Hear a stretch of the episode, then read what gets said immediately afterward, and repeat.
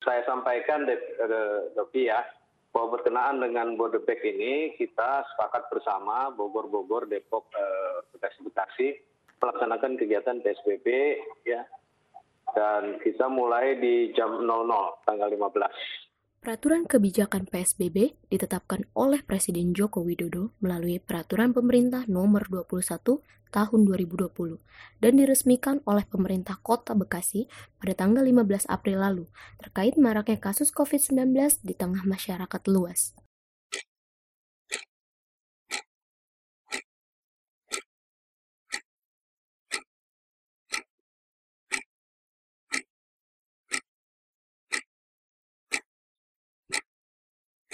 Gelombang transformasi perdagangan di Indonesia pun beralih menjadi kerana online, terutama menyangkut para pedagang offline yang menghadapi berkurangnya pengunjung atau pembeli karena adanya pembatasan sosial berskala besar atau PSBB.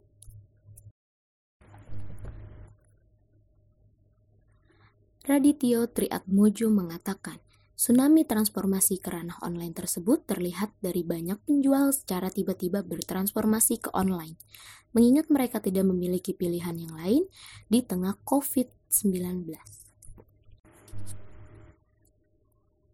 Kebijakan PSBB dan seruan untuk berada di rumah membuat sebagian orang membeli produk melalui online, terutama pada penjualan produk makanan.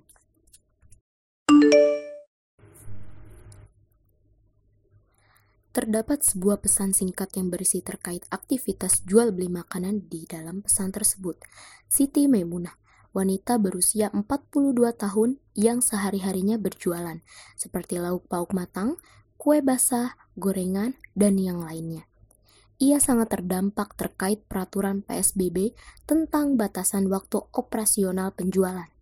Namun, ia merubah sistem penjualannya yang pada awal ia bermodal tempat atau ruko, namun kini ia hanya bermodal handphone saja untuk bisa berjualan seperti biasanya. Ya, semenjak ada wabah ini ya, saya berjualan hanya bermodal handphone aja sih. Saya juga jualan kan via online, jadi ya ada yang beli ya baru saya antar dan sistemnya juga saya pakai DO delivery order. Jadi ya saya nggak perlu nunggu di toko-toko capek gitu.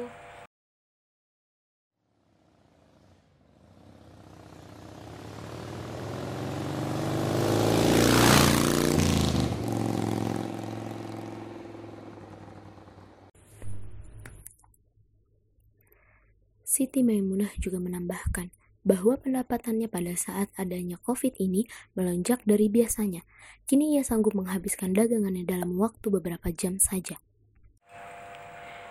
Ya, kalau pendapatan lumayan naik sih. Naiknya ya drastis juga. Karena mungkin banyak warga yang males juga buat masak. Saya memakai sistem online ini juga uh, buat memudahkan sih awalnya tapi nyatanya banyak yang banyak yang minta gitu banyak yang request. Kalau misalkan udah lanjut aja pakai sistem ini gitu. Ya ya udah jadinya akhirnya saya tetapkan untuk sekarang mungkin sampai nanti ya saya antar aja pakai pesanan sampai rumah ini. Ya gitu sih mbak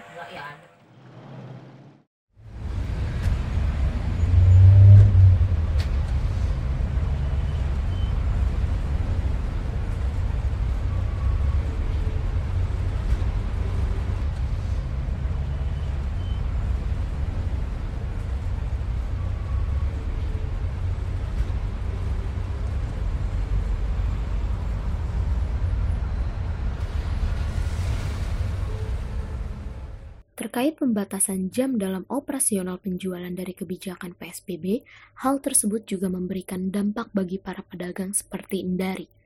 Wanita berumur 37 tahun yang ikut suaminya berjualan angkringan di depan Rumah Sakit Adam Tolib Cibitung, Bekasi. Jelas terdapat banget kita itu karena ciri khas angkringan kan bukannya malam dan jam operasional berjualan itu hanya sampai jam 8. Terus saya bagaimana? Ditegur saya juga pernah, tapi ya mau gimana lagi? Saya dan suami kan dapat uangnya dari sini doang.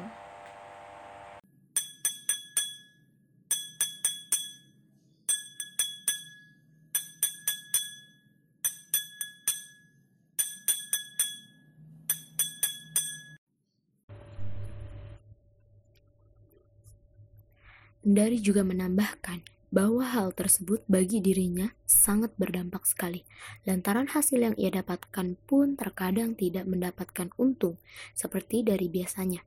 Dan ia tidak ingin merubah sistem penjualannya menjadi via online. Lantaran bagi dirinya, angkringan tidak semodern itu, dan khas dari angkringan yaitu makan di tempat. Ya, makanan jarang habis ya karena itu, karena orang-orang pada takut ke sini, takut diusir pas lagi makan.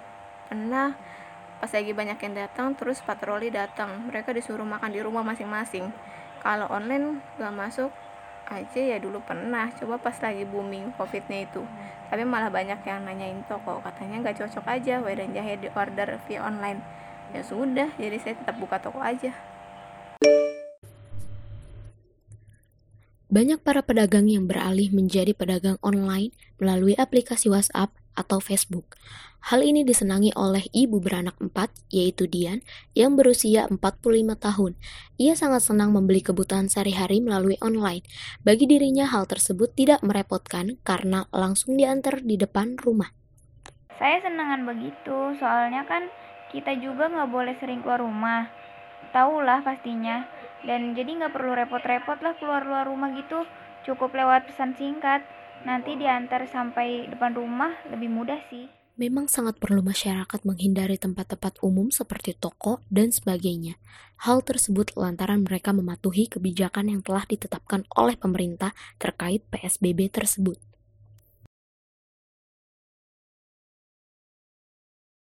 Demikian Radio Bekasi, saya Nadela Laila Atsdi. Terima kasih telah mendengarkan.